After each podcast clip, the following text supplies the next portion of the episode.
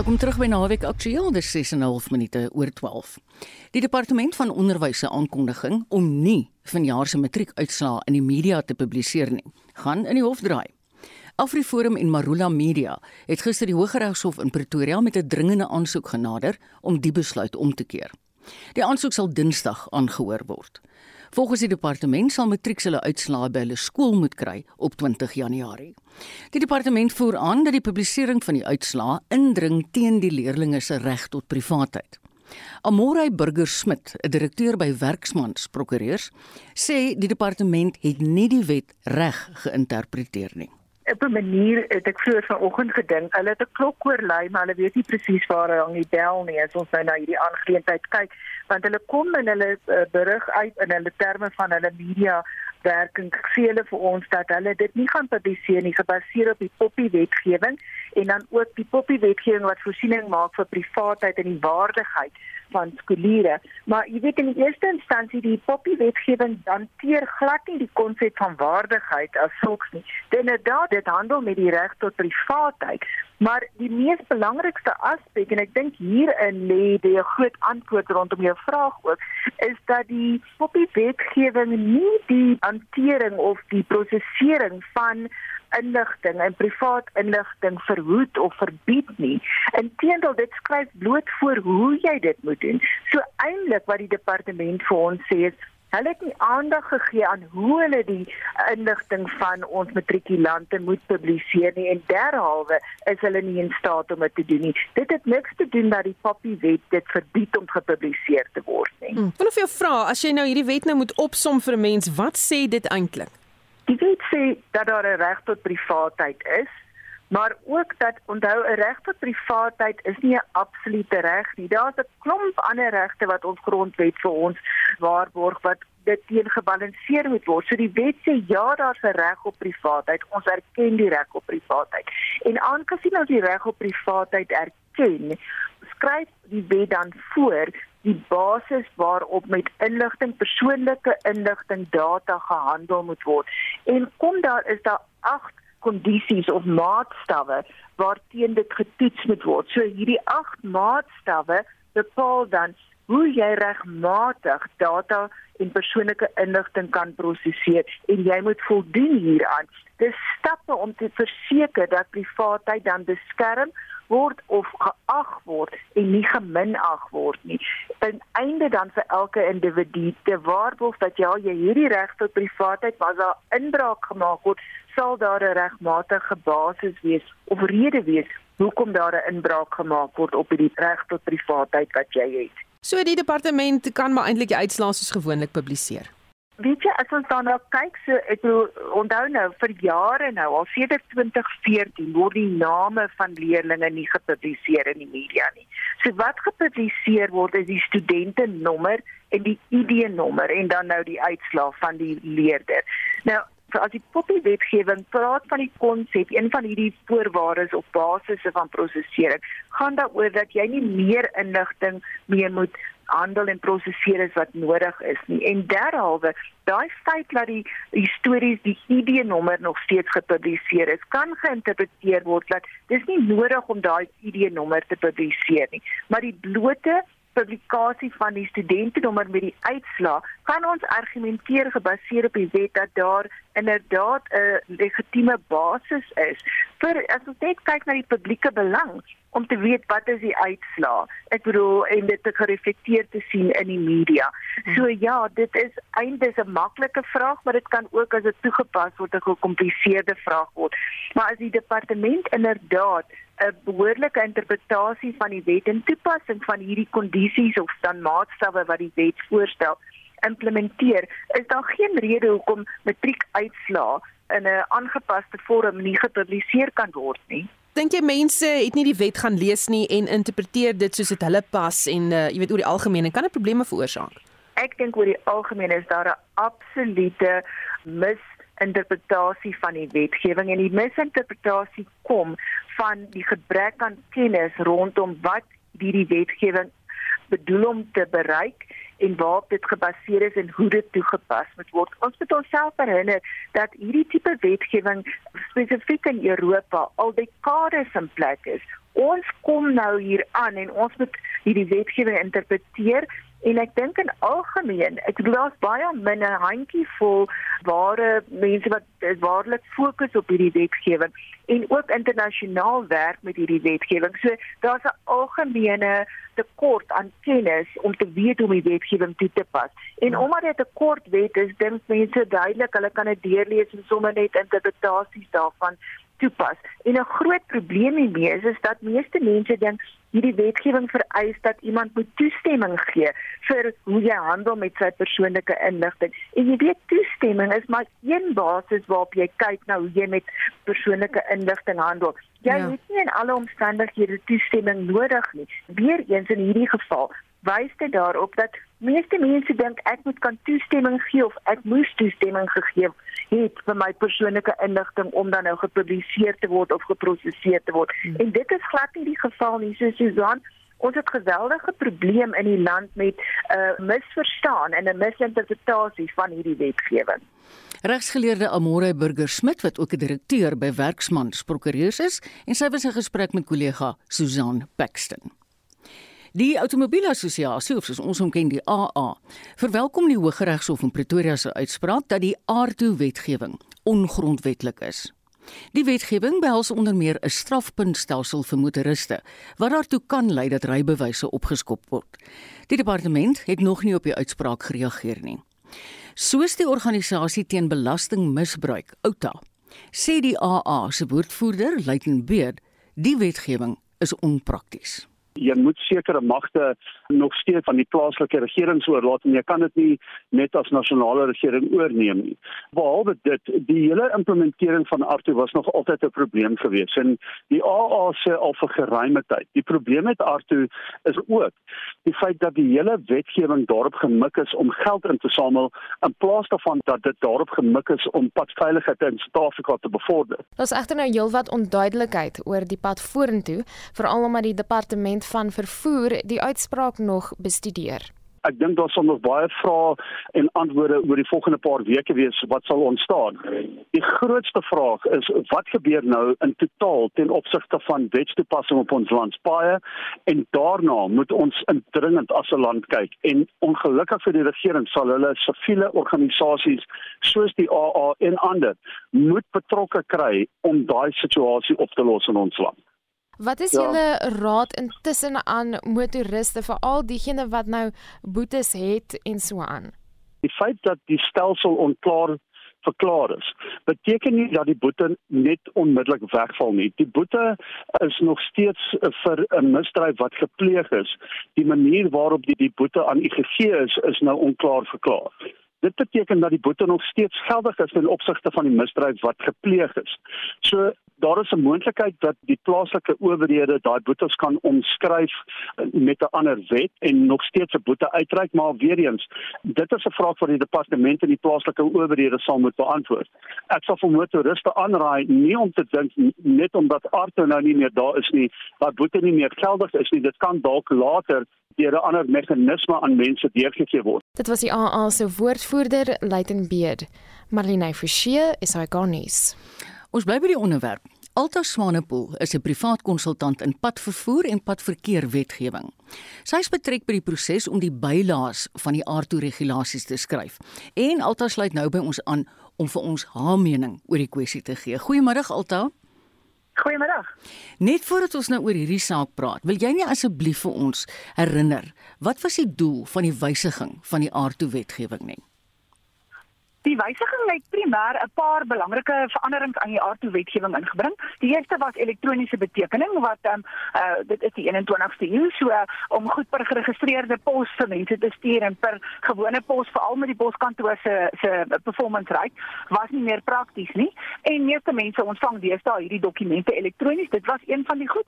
En die ander een was om die misbruik van die um uh proses om sake hof toe te vat in plaas van om dit administratief uit te sorteer te verander. So die die die plek waar jy kan kies om hof toe te gaan het geskuif van een van die eerste opsies wat jy het na die laaste opsie wat jy het om eintlik een van die hoofdoele van Aarto wat was om die sake uit die kriminele stelsel uit te haal so ver as moontlik te probeer nakom.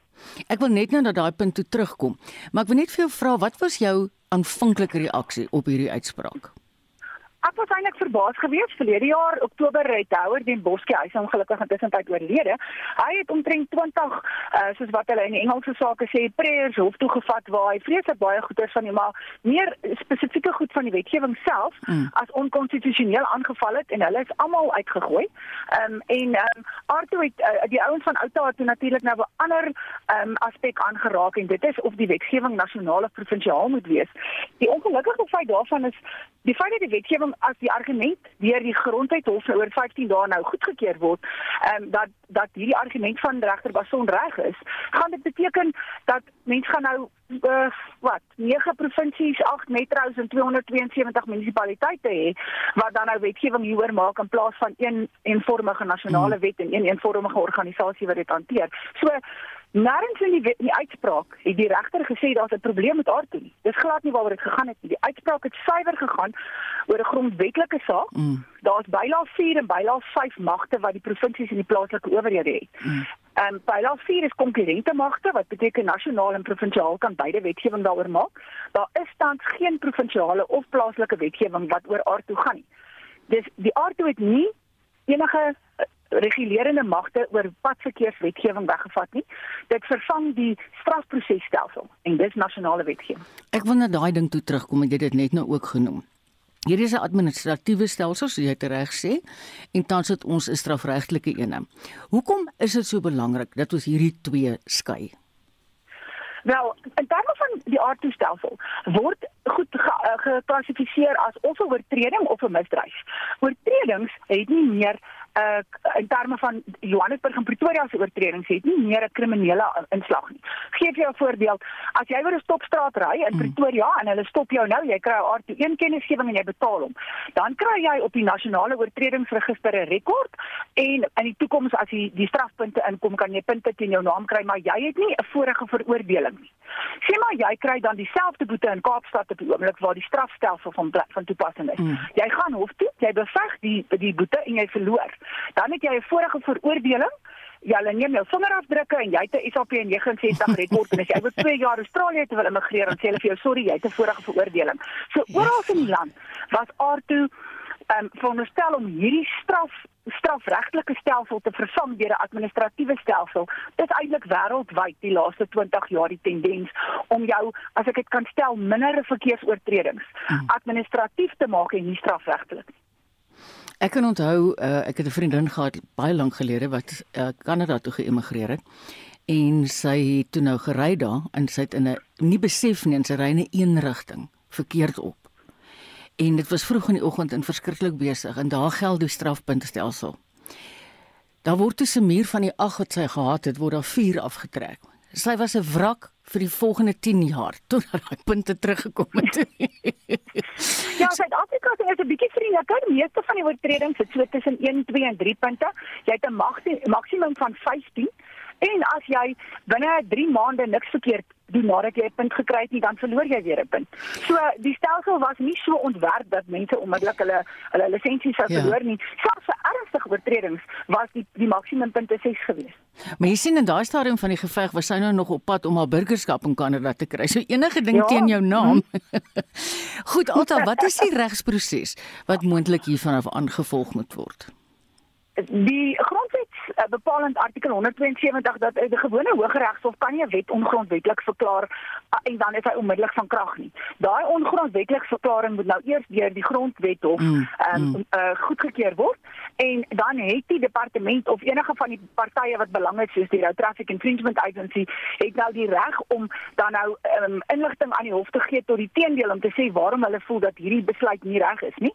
As die hof dan wel die besluit bekragtig, dan het hulle nog steeds die reg om te appeleer daarteen wat ek vermoed hulle sal doen want die regter het nie net die wysigingswet um, ongeldig verklaar nie, sy het die wet ongeldig verklaar mm. van 1998 af. Mm. Wat beteken van 2008 daar was R2 in Johannesburg en Pretoria van toepassing wat dan nou normaalweg is wetgewing of of besluite op wetgewing uh, nie terugwerkend van toepassing nie, maar daar's baie duisende uitstaande sake op hierdie stadium waar dit weer geraak sal word.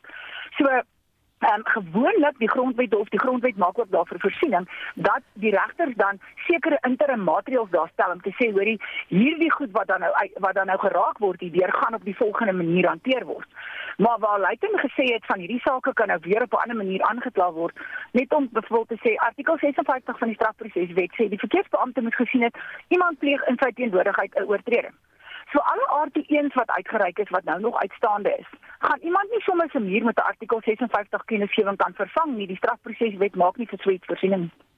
Goed, en wat as die as die grondwet hof uit die konstitusionele hof uiteindelik saam met die Hooggeregshof stem? Wel, dan gaan dit beteken die aardse wetgewing as die as die departement se appel as hulle besluit om te appeleer, nie slaag nie, dan gaan dit beteken in Johannesburg en Pretoria waar aardse tans um, geld, gaan mm. hulle moet teruggaan na die strafprosesstelsel toe. En soos wat ek vir jou verduidelik het, as jy dan oor 'n stopstraat ry, dan kry jy weer 'n kriminele oortreding as jy daai artikel 56 betaal en ons gaan terug na die ou stelsel. Ehm um, tans het ons in die land meer as 50 verskillende administratiewe stelsels. Mm. Jy kan nêrens in die land sien wat is ja, dis ag, ehm um, uh, ons het verskillende private um, diensverskaffers wat vir die owerhede werk. So jy kan nêrens op die oomblik in die land gaan sien as ek nou altyd Swanepoel met my ID-nommer in, dan kan ek nie sien waar ek oral verkeersoortredings in die land gepleeg nie want die stelsels is heeltemal gefragmenteer. Mm. Die RT-stelsel was um, van plan om dit heeltemal nasionaal te maak, alles op dieselfde stelsel. Die ander ding is elke owerheid se landros besluit self wat die boetes in sy area is. Strafprosesboetes is van R250 tot R5000 en die landdros vir sy area besluit self wat daai boetes is. So jy kan in een dorp gevang word sonder 'n lisensie R2.500, die volgende dorp R5.000, die volgende dorp R1.000. Aartoe die bylaas dis wat ek basies vir hulle gedoen het om al die verkeersoortredings te skryf met 'n standaard boete, ja. standaard punte, standaard afslag sodat daai proses dieselfde is.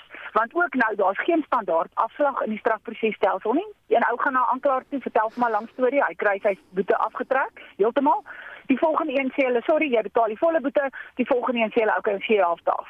Dit is dit was een van die hoofredes hoekom Arto ontstaan het, is hierdie gefragmenteerde manier hmm. waarop verkeerswetgewing toegepas word en die baie swak betalingsryk. Ehm um, ja. Die gemiddelde betaling van van verkeersoortredings in strafregsaake is dit 8 na 10%.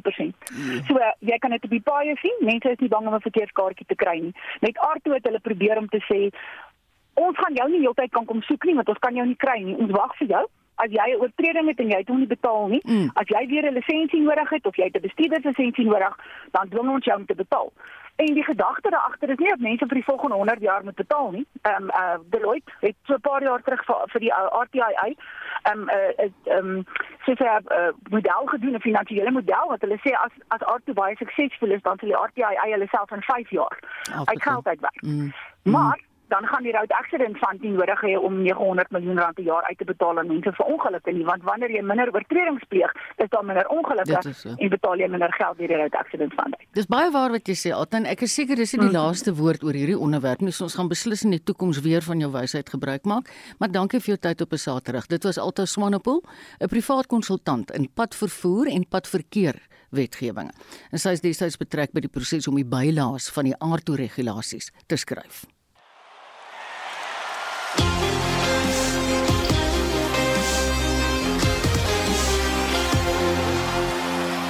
Daai kenwersie beteken net een ding in dit is sport. Hallo Pieter van der Berg.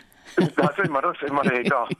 Jy nou ons het hom naals gekou vir daai buitengewone krieketoets op Nieuweland.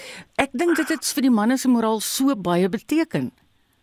Ja nee, ek moet jou sê dit was 'n ommekeer in 'n in die reeks gewees wat hulle bewerkstellig het soos ons nog min gesien het in die geskiedenis van Suid-Afrikaanse krieket en een van hulle beste oorwinnings in 'n reeks nog. Nou ons moet net vanaand weer die storie mooi bymekaar kry. Na die Proteas se eerste toets wat hulle met 113 lopies verloor het, wen hulle die tweede met 7 paaltjies en onthou ons het teen Indië gespeel as nommer 1 op die wêreldranglys ja. van toetsspelende lande. Nou in die eerste beurt eh, daar in Kaapstad het uh, Indië voorsprong van 13 lopies gehad in die derde toets. Dan Suid-Afrika het Indië hulle beurt toe vir 198 uitgehaal. Al 20 paaltjies van Indië in hierdie toets was met vangskote geneem geweest. Baie interessant. Kagiso Rabada, hy het 20 paaltjies in die reeks geneem en dit was ook sy 50ste toets geweest. En hierdie toets het hy 3 paaltjies in daardie tweede beurt gekry. Lugi Ngidi, hy het ook 3 gekry en Marco Jansen, hy het 4 plat getrek. Nou Suid-Afrika moes toe 212 van hulle tweede beurt aanteken vir oorwinning. Nou gewoonlik is dit baie moeilik in 'n laaste beurt, maar onthou dit is nog dag 3 toe hulle begin het en daar was 3 vennootskappe volgens my wat Maretta absoluut die deurslaggewende faktor was. Dis uh, Dean Elgar en Petersen wat 78 mm. aangeteken het. Toe Petersen en van 'n tussen 54 bygedra in die laaste ene van 'n tussen in Bavuma 57. So Suid-Afrika ons uh, eindig op 212 vir net 3 dit beteken is weer 'n sewe paaltjie oorwinning en uh, Suid-Afrika wen dan ook die reeks met 2-1 die speler van die toetswedstryd was Keegan Petersen met sy 82 lopies in die tweede beurt en hy was ook die speler van die reeks met sy 276 lopies wat hy aangeteken het in uh, die reeks van 3 uh, toetse. Aanstaande week word die drie eendag wedstryde gespeel en RSG sal ons luisteraars ook gereeld op hoogte hou van gebeure daar. Die eerste wedstryd is dan Woensdag wat om 10:30 begin. Dan op die internasionale front Marita is dit die vyfde en die laaste krikettoets in die reeks om die as tussen Australië en Engeland het gister in Hobart begin. Nou die Aussies is 3-0 voor. Hulle het natuurlik daardie vierde toets het onbesluit geëindig en hierdie hierdie vyfde toets is 'n dag aan toets en baie interessant Engeland het die lood gewen en Aussies ingestuur en Australië het sommer gou-gou ehm um, 12 lopies vir 3 paaltjies plat, maar het baie mooi herstel en 303 aangeteken. Nou Engeland is in hulle eerste beurt vanoggend vir net 188 uitgehaal. Dit gee aan die Aussies 'n voorsprong van 115 lopies op die eerste beurt en ek sien Australië weer in die moeilikheid twee ehm um, lopies nie ses lopies vir die verlies van twee paaltjies maar hulle natuurlik daardie voorsprong so hulle is effektief 121 eh, lopies voor met twee paaltjies plat. Kom ons praat Karibeker rugby. Na een wedstryd is nou gisterand al verby, na lê vandag twee hmm. voor, né? Nee. Dis waar ja gisterand in Nelspruit uh, die buurman en die Pumas en die bulle op 'n sopnat veldkragte gemeet. Lekker gereën ook daar. Uh, nie aanskoulike wedstryd nie die bulle het 'n bonuspunt oorwinning behaal. Hulle het 4-3 teenoor 1 gedruk. Hulle het gou die voortou geneem toe skramskakel Embrose papier in die 12de minuut gaan druk het. Chris Smith hy uh, hy was ook baie goed gewees met die skopskoen. Hy het uh, hele klompie punte bygedra. Die eindtelling uiteindelik 33-19 in die Bulls vandag twee wedstryde soos jy sê Bloemfontein. Om 0:30 speel die Vrystaat teen Griekwas en Dion Skuman sal ons luisteraars op hoogte hou van gebeure daar. Dan ook vanaand of bietjie meer later vanmiddag eerder die Weselike provinsie in die nuus. Hulle takel mekaar daar in Kaapstad. En dan in Europa se Kampioenebeker is daar 'n paar interessante kragmetings. Was speel om 3 uur teen 'n uh, eh, uh, Stade Toulouse, dan uh, die Ospreys en Racing 92. Hulle met kragte om kwart oor 5, so ook om nag teen die Leicester Tigers en dan om 08:30 La Rochelle teen Bath Exeter Chiefs speel om 19:30, dis ook 08:30 teen die Glasgow Warriors en in die laaste wedstryd vanaand om 10:00 is dit die Bristol Bears en Stad van Sy wat sal kragte meet. Jy weet almal praat nou deesdae vreeslik baie van hierdie Australiese Ope wat voorlê vir vir die handliggende redes. maar daar is op die oomblik voorbereidingstoernooie wat gespeel word, né? Nee. Ja, jy verwys natuurlik nou nou wat Jackie nou sy visum is gister vir 'n tweede keer afgekeur. Nou die 34-jarige speler van Servië, hy kan natuurlik nog appel aanteken. Ek dink dit word môre oggend Sondag uh oggend uh, Australiese tyd aangehoor en ons moet wag en kyk of hy maandag op die baan sal stap. Maar daar die voorbereidingstoernooi Andy Murray, hy het sy eerste ATP toer eindstryd sedert 2019 gehaal. Hy het vir Riley Opelka daar in die Sydney Classic met 6-7, 6-4 en 6-4 geklop en hy sal dan in die eindstryd teen Dan Evans of Aslan Kartsatev te staan kom. Dan in die vroue enkelspel aan Sydney, is die wêreld se nommer 4 Barbora Kechikova wat uh, die uh, wedstrydpunt afgeweer het en uiteindelik vir haar net kante uit geklop het daar en sy sal dan teen Daria Katsakina of Paula Badoza in die eindstryd speel. En in Adelaide is daar ook 'n toernooi, die Amerikaner daar, die jong Amerikaner uh, Coco Gauff sy sal in die eindstryd uh, moontlik teen uh, Alison Risk te staan kom. Ek sien uh, die Gauff moet nog teen Madison Keys in die halffinale speel. En in die mans enkelspel in Adelaide is dit uh, die man daarvan uh, die tuisdorp, die sy tuisdorp, dan Anasi Kokinakis wat vir Marin Cilic in drie stelle geklop het en dit was uh, dan om na die eindstryd daar te dring. Hy gaan dan teen speel teen die Fransman Arthur Rindener en daardie eindstryd word vandag afgehandel. Die Dakar tydren is gister na 2 weke en 12 skofte uiteindelik klaar. Hoe het ons Suid-Afrikaners gevaar? Ja, interessant. Uh, Qatar se Nasser Al Attiyah, hy het die uh, Dakar tydren vir 'n vierde keer gewen. Hy's hy 51 jaar oud. Hy het ook in 2011, 2015 en 2019 geseëvier.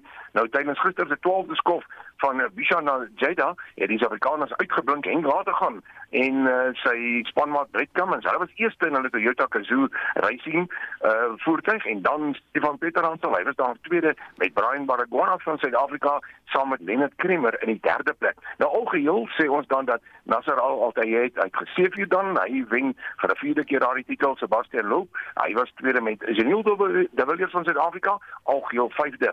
In die motorfietsafdeling is dit Pablo Quintanilla wat uh, gister geseef het en Toby Price was daar tweede, maar algeheel is dit die Britse renjaer Sam Sunderland wat sy tweede Dakar titel ingepalm het op sy KTM. Hy was ook in 2017 die wenner gewees.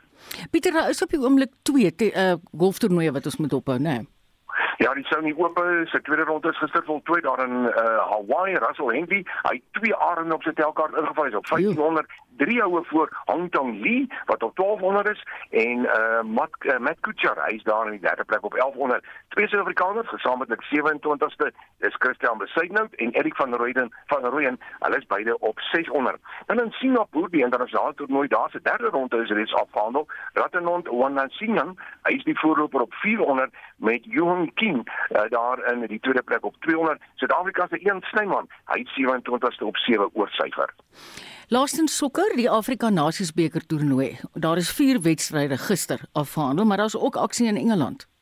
Ja, kom ons kyk eers na die AFCON toernooie. Eh, Gabon en Ghana gelyk op 1 elk. Malawi klop vir Zimbabwe met 2-1. Marokko reken af met die eh, die Comores 2-0 en dan Senegal en Guinea, hulle speel gelyk op met 0 elk. Gister in die Engelse Premier League is dit Brighton en Crystal Palace wat met 1 elk gelyk op gespeel het. Vandag 'n paar interessante wedstryde, om die waarheid te sê, daar is 6 Man City om 0:30 teen Chelsea. Dis sommer 'n grootte en dan bietjie later Newcastle teen Watford. Dit sien ook uh, Wolverhampton Wanderers kom teen Southampton te staan en dan vanaand om 08:30 Aston Villa teen Man United.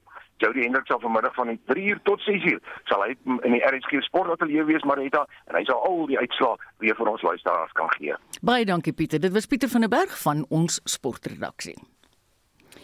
'n Klag van die week wat aandag getrek het, is die kweek van Dagga teen die Khoisan leier Koning Khoisan SA Die word tans ondersoek nadat die polisie by die Unie gebou in Pretoria toegeslaan het. Die groep woon reeds 3 jaar in tente by die historiese gebou en wag om president Ramaphosa te spreek. Die Khoisan leier het gister aan Annelien Moses verduidelik hoekom hulle tot die ongewone stap oorgegaan het. In 2017 het ons eerste tent hier opgeslaan en dan 'n memorandum oorhandig omdat die regering niks gedoen het met met die kwessies op die memorandum nie het ons teruggekeer in 2018 30 November. Wat is in daai memorandum vervat? In die memorandum is vier eise vervat. Uh, die eerste eis is dat die, die regering moet erkenning gee dat die Khoi en die San mense die eerste nasie van Suid-Afrika is. Die tweede kwessie is dat op die land se wapen is daar die rotstekene dan onder 'n taal So daai is ons taal. So ons wil tweede eis is ons wil die taal van die Khoi en die San mense maak. Die derde ene is dat die Khoi en die San soek ook gronde want regmatig is die land die land van die Khoi en die San mense. So die regering as dit kom by gronde moet hulle ook dan aan aan die Khoi en die San mense gronde oorhandig. Die vierde kwessie is die verwydering van die kleerlingnaam.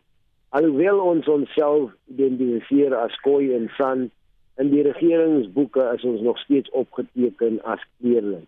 So ons wil daai naam kleerling verwyder. En hoe lank het julle vir die regering gegee om te reageer op die eise wat in die memorandum staan?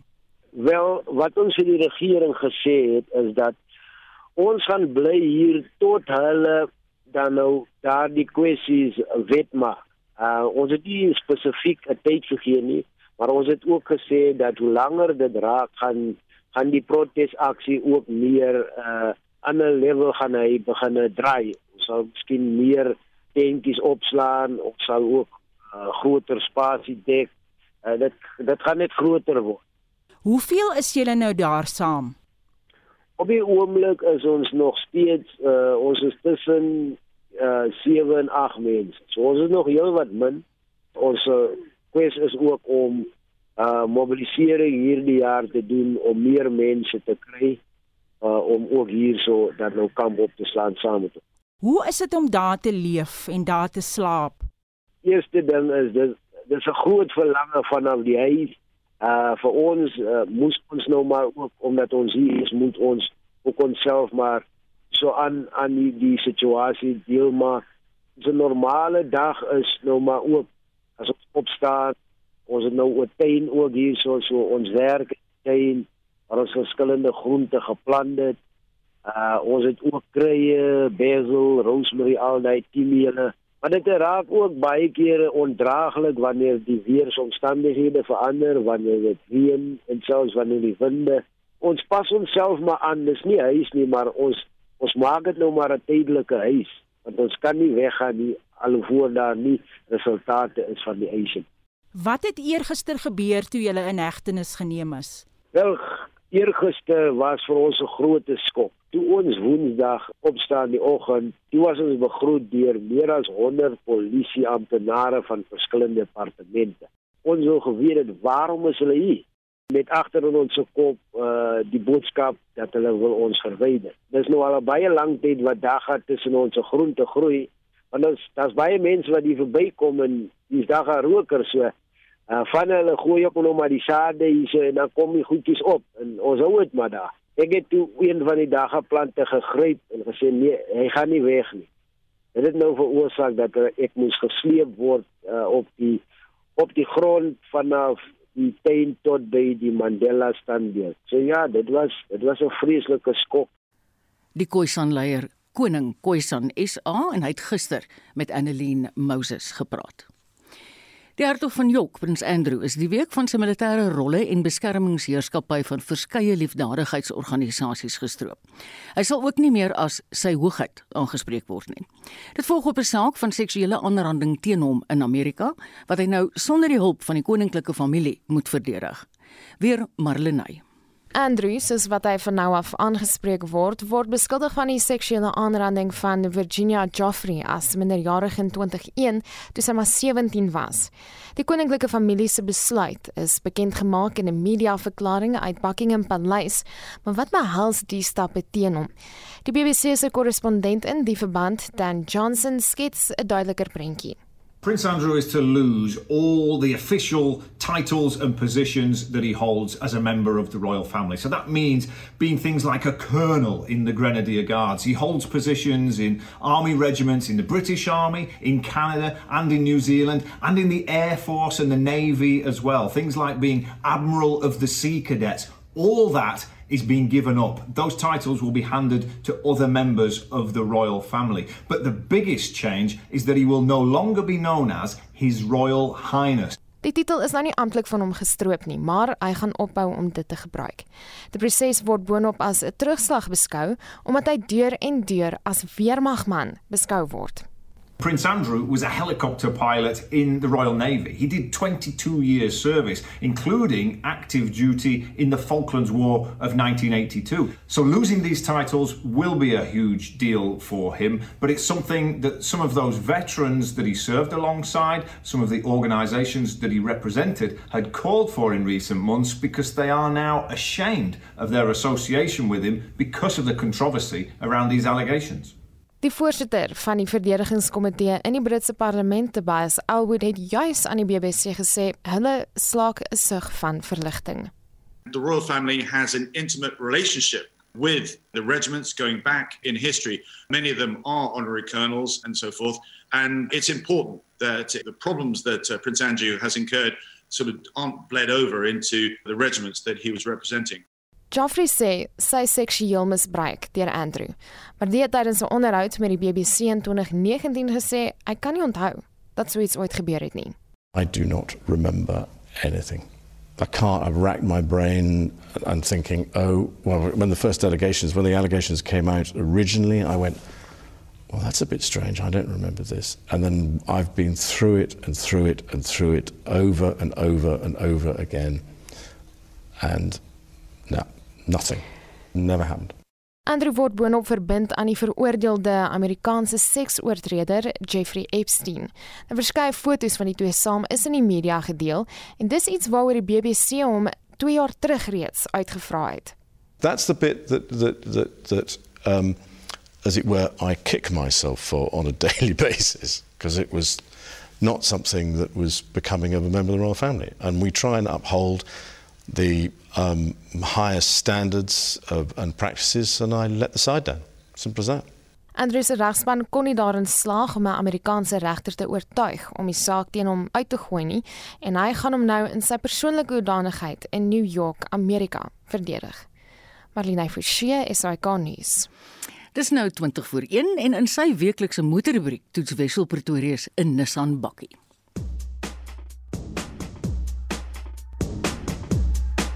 Plaaslike voertuigverkope het verlede jaar nie sleg gevaar nie, gegee die talle uitdagings. Behalwe die pestilensie, ook beerdkrag, mikroskyfie tekorte, die kuberaanval op Transnet se bedrywighede, die onrus in Julie en stygende brandstofpryse. In 2020 was daar op 'n jaargrondslag 'n massiewe afname van 29,2%. Verlede jaar egter 'n toename van 22,1%. 464122 eenhede is verkoop.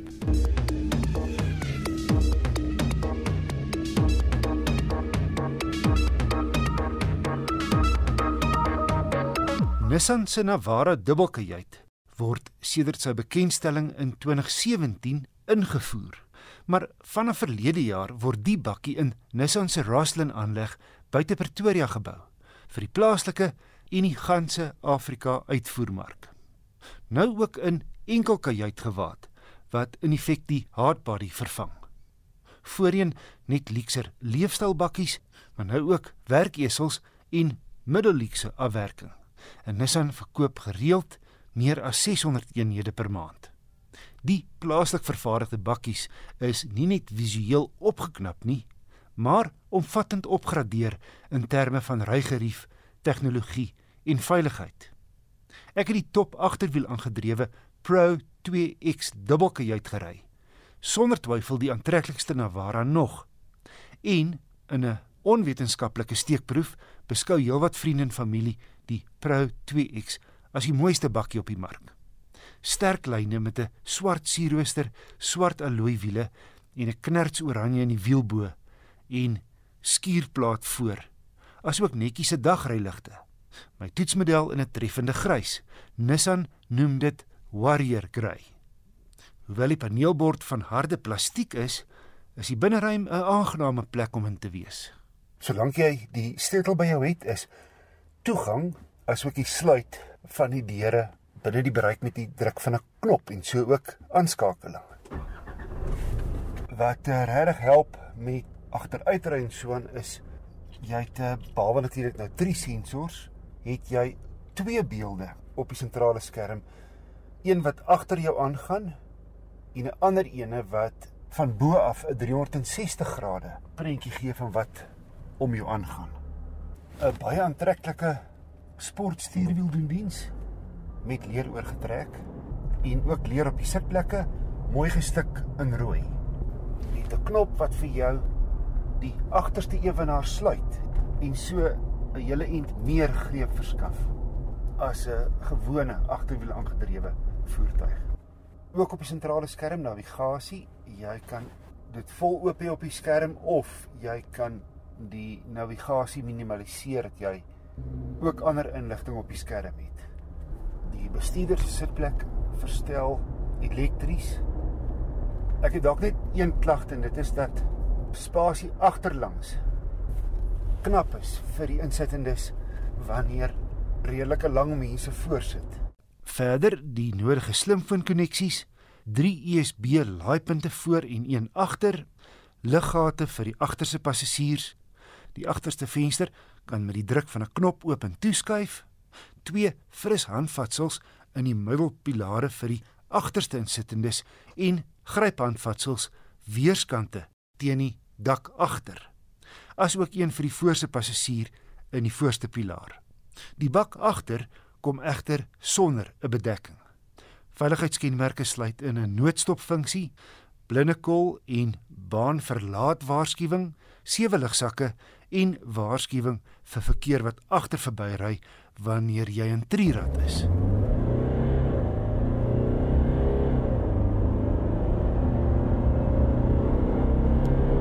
'n 2.5 turbo diesel skop 'n gesonde 140 kW en 450 Nm wrinkrag uit, gekoppel aan 'n 7-spoed outomatiese ratkas. Die verbruik op my stad en oopadroete was 8,8 liter per 100 km, goed vir die tipe voertuig. Die Navara het kronkelvere agter, terwyl ander bakkies in die klas tradisionele bladvere gebruik.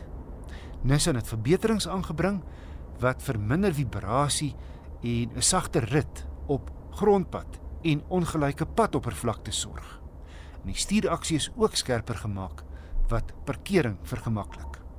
Om op te som, die Nissan Navara Pro 2X is 'n aantreklike dubbelkajuit met 'n magdom veiligheidskenmerke en vir 'n bakkie 'n baie gerieflike rit teen R699 000 wat baie goed vergelyk met soortgelyke Ranger en Hilux modelle. 'n Omvattende diensplan, 6 jaar 90000 km kom gratis, asook padbystand.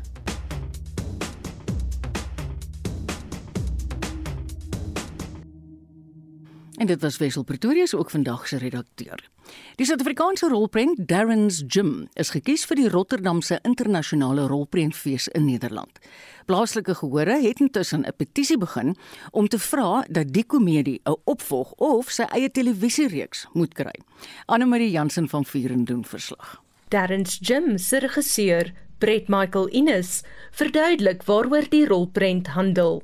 The story was inspired by. I grew up in Randburg and I used to gym at one of these really big franchises. This was about 20 years ago, and there was a small independent gym literally across the road from the big franchise that I worked out at.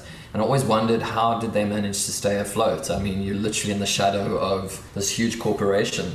And that became this idea that grew. And I love mockumentary, and I, I hadn't really seen anything set in a gym. And I know there's just so much comedy that can be found there. So as the story grew, it became the script. And when it came down to filming it, uh, I said to my producing partner, Paolo Ariel, who did Ellen Pakis, why don't we go and look if that gym will have us and let us film there? And that actually became the location for the film. So I love the full circle moment that what inspired the story actually became the place that we filmed at. Hy het al van tevore sy rolprentwerk by internasionale rolprentfeeste vertoon. Dit sluit in die Sundance Rolprentfees in die VSA en die sogenaamde Tallinn Black Nights Rolprentfees in Estland. Tog is dit steeds vir Ines 'n pluimpie dat sy jongste rolprent in Rotterdam vertoon gaan word. As a filmmaker, I've been incredibly privileged over the last decade to be able to visit some of the top festivals in the world. And what I've always seen there is that the films that generally get chosen, especially ones that come from South Africa, always seem to be ones that are dramas and always ones that focus on our pain and our trauma. And I've tried to get my films, my previous ones, Sunk and Filosekund, into Rotterdam, but they didn't seem to bite. And it makes it really ironic that it's my little comedy that explores, you know, I guess more the things that unite us as South Africans than what divides us. And it's that one that got selected. So for me, it just not only fulfills one of my personal goals of getting into the Rotterdam Film Festival, but it also just served to show me that I should be prepared to be surprised that each of my films has a different life journey, and this one just happened to be the one that got into Rotterdam. Die rolprent is ook gewild onder plaaslike gehore. So is 'n opvolgrolprent of 'n televisiereeks dalk volgende.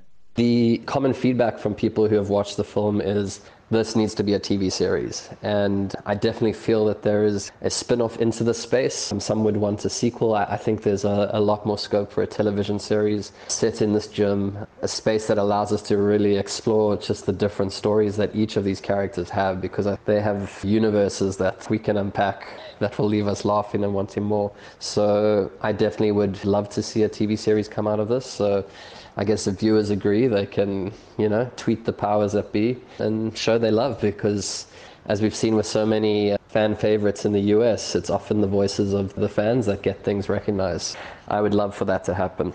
Films like Darren's Gym really succeed because of viewers who watch it. So I just want to thank everyone who has watched it and encourage those who haven't just go to EVOD and push play. It's something you can watch for free. Uh, it's going to be something that brings a lot of laughter and joy into your life. Darren's Gym se regisseur, Brett Michael Ines, en ek is Anne Marie Jansen van Vuren vir SAK nuus. 'n Jeugforum in die Klein Karoo het 'n jeugkamp aangebied om plaaskinders van die Oudtshoorn omgewing voor te berei vir die hoërskoollewe. Die Oudtshoorn Christelike Jeugforum, befonds deur die Wes-Kaapse Departement van Kultuursake en Sport, het die kamp aangebied om die kinders wat tot dusver by plaaskole onderrig gekry het, te leer hoe om die koshuislewe weg van die huis af te hanteer. Tanya Krause doen verslag. Om van laerskool na hoërskool te skuif is vir enige kind skrikwekkend maar vir plaaskinders is die uitdaging veel groter. Hulle is gewoond aan die lewe in die landbougemeenskap en het naby hul huiskool gegaan. Die kampdirekteur Philip Seru sê nou sal hulle hoërskool en koshuislewe op hul eie moet aandurf. Vir dorpie oudsoring, wat dwelms, skool dropouts, as tiener swangerskappe, geweld, bullying op die skole, hierdie kinders gaan vir eerste keer hoërskool toe. En ek wat weet wat in ons gemeenskap aangaan, graad 9, graad 10, dan drop ons se kinders die skool. En ons het hierdie kamp reeds uitgeroep om hulle voor te berei om te sê go reach your dream, gaan vir jou droom. Die meeste van hierdie kinders sal groepsdruk, dwelmmisbruik en afknouery teekom. Uitdagings wat hulle nie voorheen ervaar het nie. Die waarnemende hoof van Laerskool Rooiheuwel, Jana Besaidenhout, sê by die kampus hulle bemagtig om dit wat voorlê te hanteer. Ek hoop regtig dit het 'n verskil in hulle lewens gemaak en dat hulle iets geleer het hier uit en dat hulle dit sal vorentoe vat en dat hulle sukses van hulle lewens sal maak want dit is so elke kind het daai potensiaal.